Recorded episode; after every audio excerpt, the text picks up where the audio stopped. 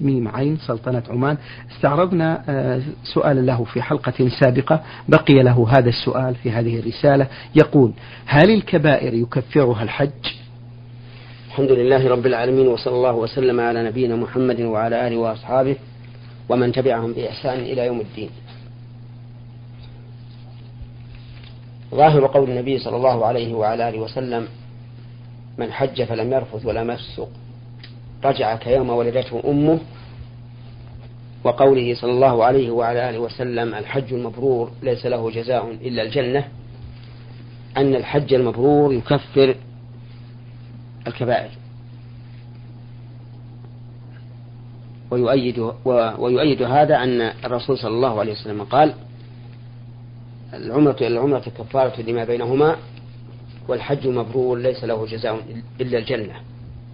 فإن تكفير العمرة إلى العمرة لما بينهما مشروط باجتناب الكبائر. ولكن يبقى النظر هل يتيقن الإنسان أن حجه كان مبرورا هذا أمر صعب. لأن الحج المبرور ما كان مبرورا في القصد والعمل. أما في القصد فأن يكون قصده بحجه التقرب إلى الله تعالى والتعبد له بأداء المناسك نية خالصة لا يشوبها رياء ولا سمعة ولا حاجة من حوائج الدنيا. إلا ما رخص فيه في قوله تعالى ليس عليكم جناح أن تبتغوا فضلا من ربكم. وكذلك المبرور في العمل. أن يكون العمل متبعا فيه رسول الله صلى الله عليه وعلى آله وسلم في أداء المناسك مجتنبا فيه ما يحرم على المحرم بخصوصه وما يحرم على عامة الناس. وهذا أمر صعب. لا سيما في عصرنا هذا. فإنه لا يكاد يسلم الحج من تقصير وتفريط. أو إفراط ومجاوزة أو عمل سيء أو نقص في الإخلاص وعلى هذا فلا ينبغي للإنسان أن يعتمد على الحج ثم يذهب يفعل الكبائر ويقول الكبائر يكفرها الحج بل عليه أن يتوب إلى الله سبحانه وتعالى من فعل الكبائر وأن يقلع عنها ولا يعود ويكون الحج نافلة أي زيادة خير في أعماله الصالحة. ومن الكبائر ما يكون لبعض الناس اليوم بل لكثير من الناس من الغيبة. وهي أن يذكر أخاه الإنسان غائبا بما يكره. فإن الغيبة من كبائر الذنوب كما نص على ذلك الإمام أحمد رحمه الله. وقد صورها الله عز وجل بأبشع صورة فقال تعالى ولا يغتب بعضكم بعضا أيحب أحدكم أن يأكل لحم أخيه ميتا فكرهتموه ومن المعلوم أن الإنسان لا يحب أن يأكل لحم أخيه لا حيا ولا ميتا. وكراهته لأكل لحمه ميتا أشد. فكيف يرضى أن يأكل لحم أخيه بغيبته في حال غيبته؟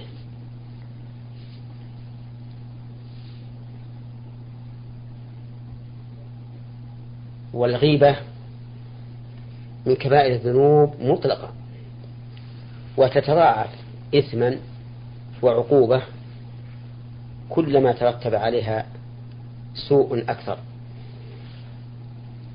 كغيبة القريب ليست كغيبة البعيد.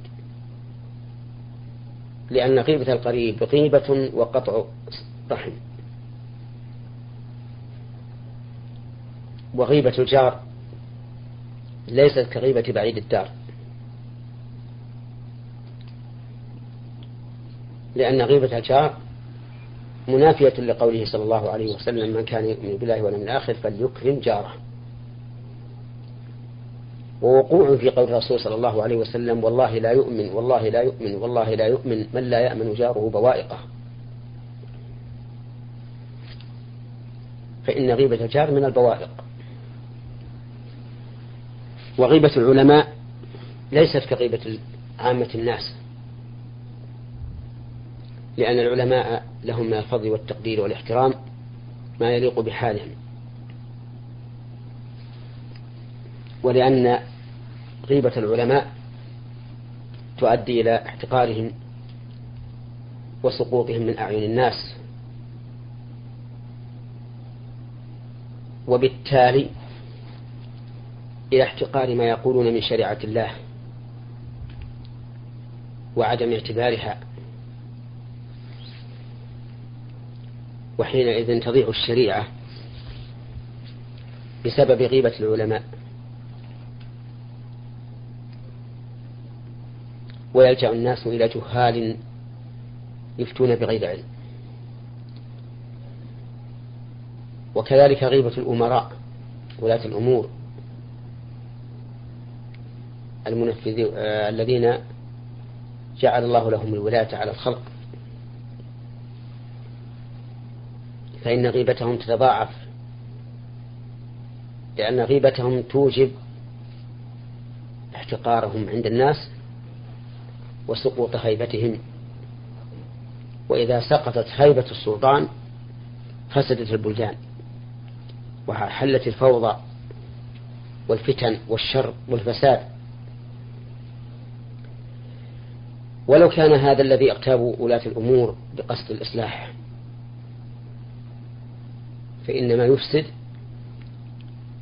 أكثر مما يصلح. وما يترتب على غيبته لولاة الأمور أعظم من ذنب ارتكبوه.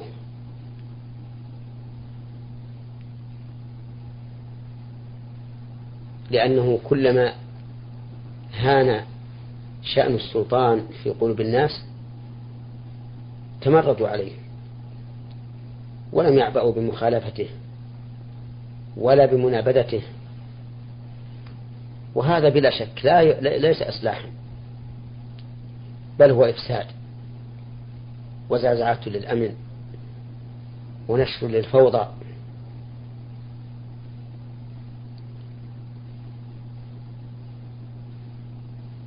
والواجب مناصحة ولاة الأمور من العلماء والأمراء على وجه تزول به المفسدة وتحل فيه المصلحة. بأن يكون سرا وبأدب واحترام لأن هذا أدعى للقبول وأقرب إلى الرجوع عن التمادي في الباطل. وربما يكون الحق فيما انتقده عليه المنتقد لأنه بالمناقشة يتبين الأمر. وكم من عالم اغتيب وذكر بما يكره. فإذا نوقش هذا العالم تبين أنه لم لم لم يقل ما نسب إليه وأن ما نسب إليه كذب باطل يقصد به التشويش والتشويش والحسد. وربما يكون ما نسب إليه حق. وربما يكون ما نسب إليه حقا. ولكن له وجهة نظر تخفى على كثير من الناس. فإذا نوقش وبين وجهة نظره ارتفع المحظور. أما كون كون الإنسان بمجرد ما يذكر له عن ولي الأمر من أمير أو عالم يذهب فيشير السوء ويخفي الصالح فهذا ليس من العدل وليس من العقل وهو ظلم واضح. قال الله تعالى يا أيها الذين آمنوا كونوا قوامين لله شهداء بالقسط ولا يجرمنكم شنآن قوم على ألا تعدلوا. يعني لا يحملكم بغضهم على ترك العدل. اعدلوا هو أقرب للتقوى. واتقوا الله إن الله خبير بما تعملون. فنسأل الله سبحانه وتعالى أن يجنبنا جميعا أسباب الشر والفساد. وأن يؤلف بين قلوبنا وأن يجعلنا من المتحابين فيه. المتعاونين على البر والتقوى إنه. على كل شيء قدير. اللهم آمين. بارك الله فيكم فضيلة الشيخ. آه هذا السائلة أم عبد الرحمن تقول هل يجوز للعالم الدارس للعقيدة أن يفتي في الفقه والعكس صحيح؟ لا يجوز لأحد أن يفتي بشيء لا يعلمه سواء كان عالما في شيء آخر أو لا. لقول الله تبارك وتعالى قل إنما حرم ربي الفواحش ما ظهر منها وما بطن. والإثم والبغي بغير الحق وأن تشركوا بالله ما لم ينزل به سلطانا وأن تقولوا على الله ما لا تعلمون. ولقول الله تعالى ولا تقف ما ليس لك به علم إن السمع والبصر والفؤاد كل أولئك كان عنه مسؤولا. وإذا كان له اختصاص في العقيدة لكن عنده علم من الفقه فأفتى في الفقه بما يعلم فلا بأس. وكذلك العكس. لو كان عنده اختصاص في علم الفقه وأفتى في العقيدة بما يعلم فلا بأس. فالممنوع هو أن يفتي الإنسان بغير علم سواء كان في ضمن تخصصه أو في أمر خارج عن تخصصه. نعم. بارك الله فيكم. في سؤالها الثاني تقول بالنسبة لحديث الحوض والذي يرد فيه الناس والذي يكون الرسول صلى الله عليه وسلم قائما عليه من هم هؤلاء الناس الممنوعين من الشرب؟ أهم أصحاب البدع؟ وهل للبدع أنواع؟ الممنوع من شرب حوض الرسول من الشرب من الشرب من حوض النبي صلى الله عليه وسلم يوم القيامة؟ كل من أحدث في دين الله ما ليس منه. لأن النبي صلى الله عليه وسلم يقال له لا تدري ماذا أحدث بعدك. وكلما كان الإنسان أقوى في اتباع الرسول عليه الصلاة والسلام كان وروده أضمن.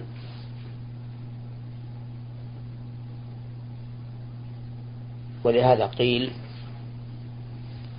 من ورد على شريعته فشرب ورد على حوضه فشرب. ومن لا فلا ولكل درجات مما عملوا.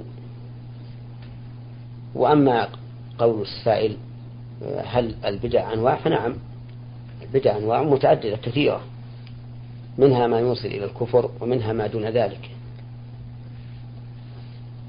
نعم. جزاكم الله خيرا.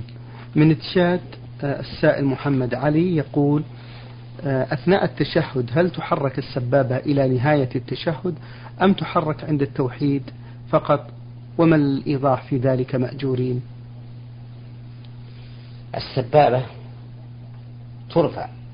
يعني لا تضم مع الأصابع الأربعة. لأن الأصابع الأربعة الخنصر والبنصر والوسطى والإبهام يضم بعضها إلى بعض وتبقى السبابة مفتوحة. أو تحلق الإبهام مع الوسطى وتبقى السبابة مفتوحة. وأما تحريكها فأقرب ما يكون عندي أن تحرك عند ذكر الدعاء. فقط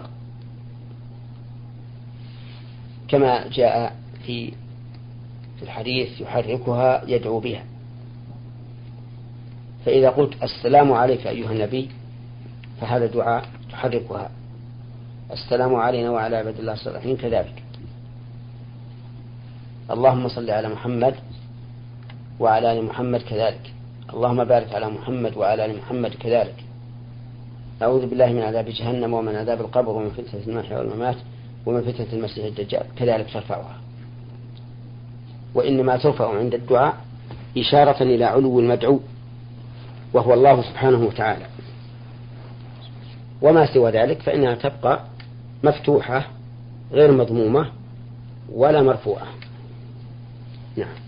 جزاكم الله خيرا. ننتقل بعد ذلك إلى رسالة السائل حسين رمضان مصر الجنسية ويعمل بالأردن.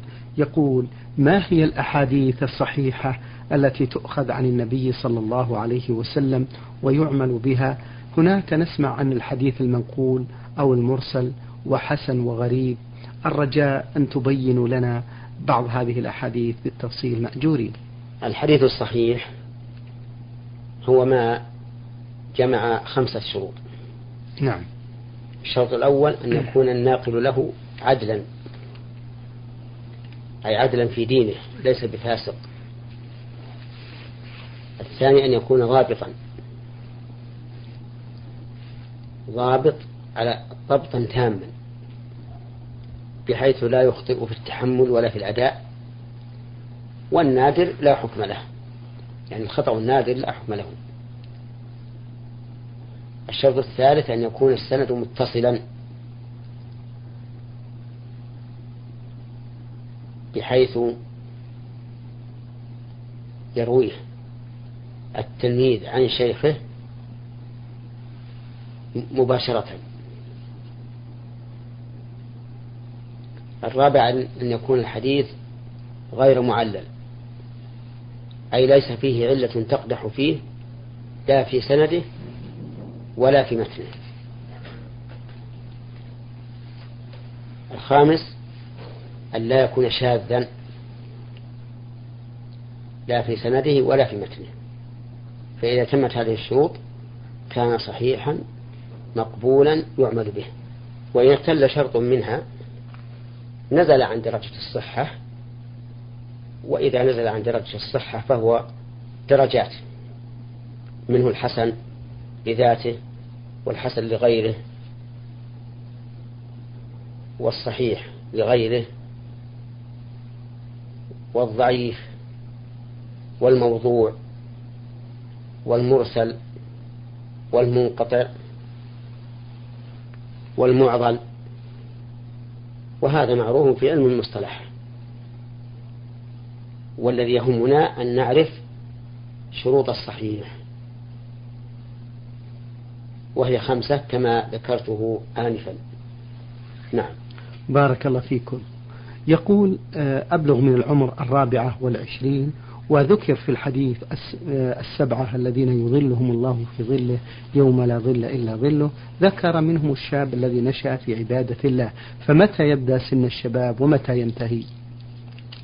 أبشرك أن أن أبشر هذا السائل أنه في سن الشباب.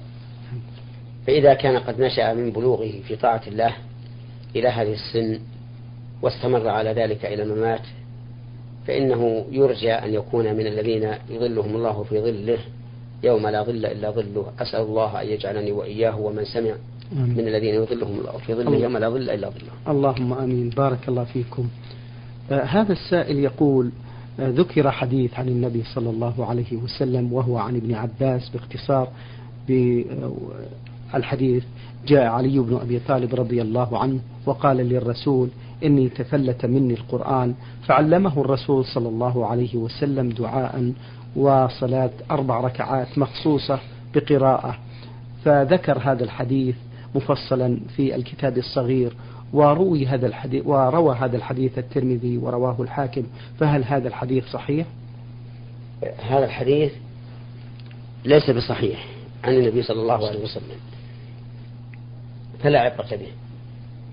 لكن مما يعين على الحفظ ما أمر به النبي عليه الصلاة والسلام في قوله تعاهدوا هذا القرآن فهو الذي نفسي بيده له أشد تفلتا من الإبل في عقلها فأمر بتعاهده لئلا ننساه والتعاهد أن يكرر الإنسان تلاوته بحضور قلب.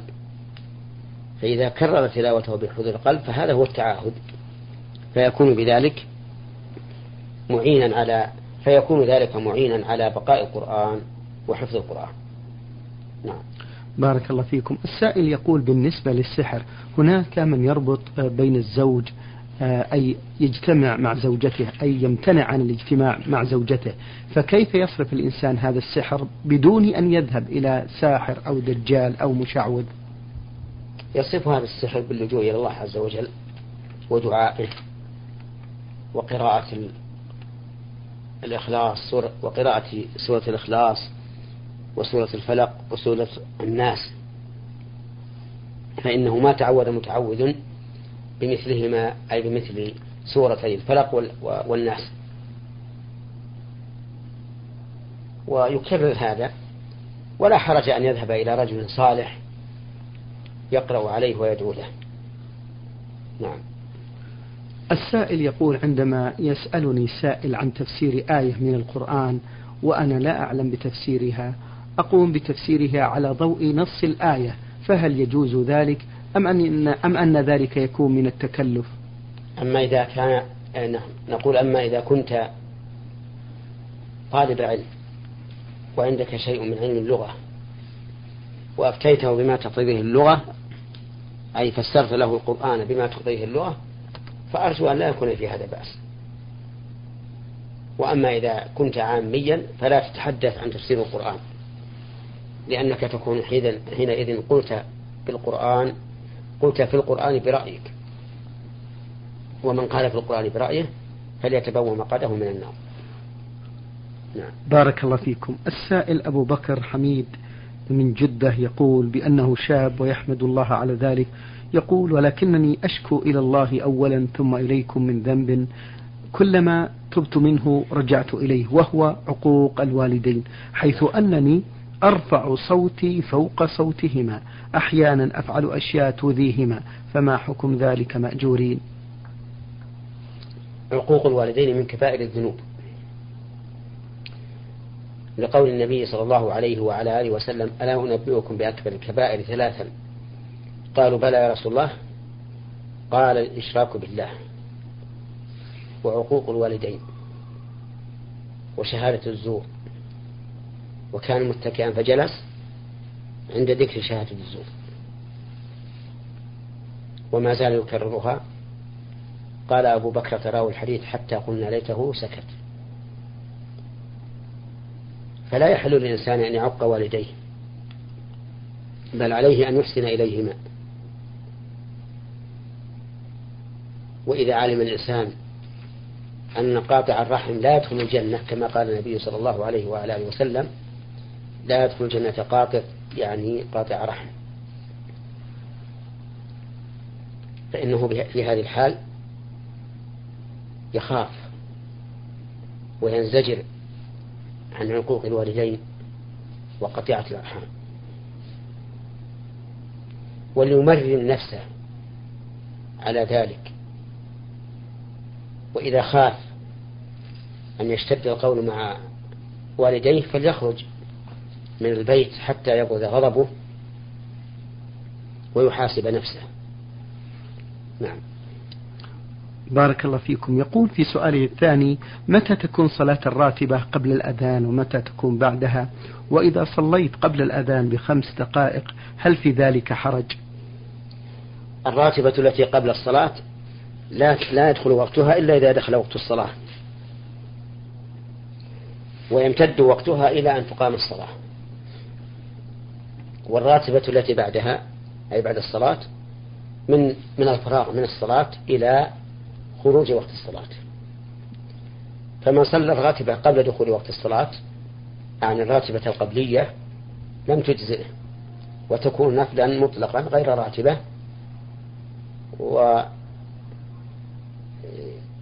ويعيدها بعد دخول الوقت. نعم. بعد ذلك ننتقل إلى رسالة بعثت بها آه، سائلة من المنطقة الجنوبية تقول آه، تذكر بأنها امرأة تبلغ من العمر السادسة والعشرين وقد حصل حريق تقول بأختي بعد أن أوقدت النار وقد جاءتني الطفلة للمرة الأولى وقد منعتها من الاقتراب من النار أكثر من أربع مرات حيث أنني أوقد بالبترول وذلك لأنني في في موسم أمطار وجاءتني بطريقة مفاجئة من خلفي عند وقوفي أو عند وقودي للنار بعد أن منعتها أربع مرات. واشتعلت النار بي وبالطفلة جميعا مما تسبب في إصابتي ببعض الجروح الخفيفة. أما الطفلة فقد لحقت بها النار وعلى ملابسها الشفافة مما أدى إلى وفاتها ونهاية حياتها. وهي تبلغ من العمر سبع سنوات فإنني أخشى أن يكون علي ذنب من هذه الطفلة سواء كان ذلك كبيرا أم صغيرا. والله يحفظكم. ليس على على هذه المرأة ذنب فيما حصل من احتراق ابنتها. بل أرجو الله سبحانه وتعالى أن يكون لها ثواب على صبرها في هذه المصيبة. وأسأل الله تعالى أن يجعلها رفعة في درجاتها. آمين. إن الأمة لا شك أنها لا تريد هذا إطلاقا وأنها لو استطاعت أن تمنع النار عنها حين اشتعالها لمنعت. وليست هي التي جاءت بها لتحترق. فهي غير مفرطة ولا معتدية ولكن نسأل الله تعالى أن يجبرها بابنتها وأن يثيبها على صبرها وليس عليها شيء لا ذنب ولا دية ولا كفارة. بارك الله فيكم. آه، السائل محمد القحطاني يقول آه، ما حكم من جمع بين صلاة الجمعة وصلاة العصر جمعا وقصرا في وقت في وقت الأولى أثناء السفر وما العمل بالنسبة لمن فعل ذلك عدة مرات؟ آه، أما من صلى الجمعة وهو في البر مسافرا فصلاته باطلة لأن الجمعة لا تسن في السفر ولا تشرع وهي بدعة. فإن رسول الله صلى الله عليه وعلى آله وسلم كان يسافر وتصادفه الجمعة في سفره ولم ولم يقم الجمعة ولا مرة ولا مرة واحدة حتى في أكبر مجمع المسلمين يوم عرفة في حجة الوداع كان ذلك اليوم يوم الجمعة ومع ذلك لم يصلي الجمعة بل صلى الظهر والعصر جمعا وقصرا وأما إذا كان في بلد مر به في سفره وصادفته صلاة الجمعة ودخل في المسجد وصلى مع الناس صلاة الجمعة فهذه صلاة الجمعة وليست ظهرا مقصورة نعم. فإذا جمع إليه العصر لم يصح الجمع لأن الجمع الوارد إنما هو بين الظهر والعصر وليس بين الجمعة والعصر والجمعة صلاة مستقلة لها خواص تفارق بها الظهر في أكثر من عشرين موضعا أو في أكثر من عشرين حكما وحينئذ لا يصح قياسها أي قياس الجمعة على الظهر في جواز جمع العصر إليها. ومن فعل ذلك فإن كان أحد قد أفتاه بهذا فهو على ما أفتاه ولا إعادة عليه لكن لا يعود لذلك. ومن لم ومن كان عن غير عن غير فتوى فإن عاد فهو أحسن. وحينئذ يتحرى العدد الذي حصل فيه جمع العصر إلى الجمعة ويصلي. وإذا شك هل ذلك عشر مرات أو تسع مرات فليجعله تسعا أي يأخذ بالأقل. شكر الله لكم من فضيلة الشيخ وبارك الله فيكم وفي علمكم ونفع بكم المسلمين. أيها الإخوة الأحباب أيها الإخوة المستمعون الكرام أجاب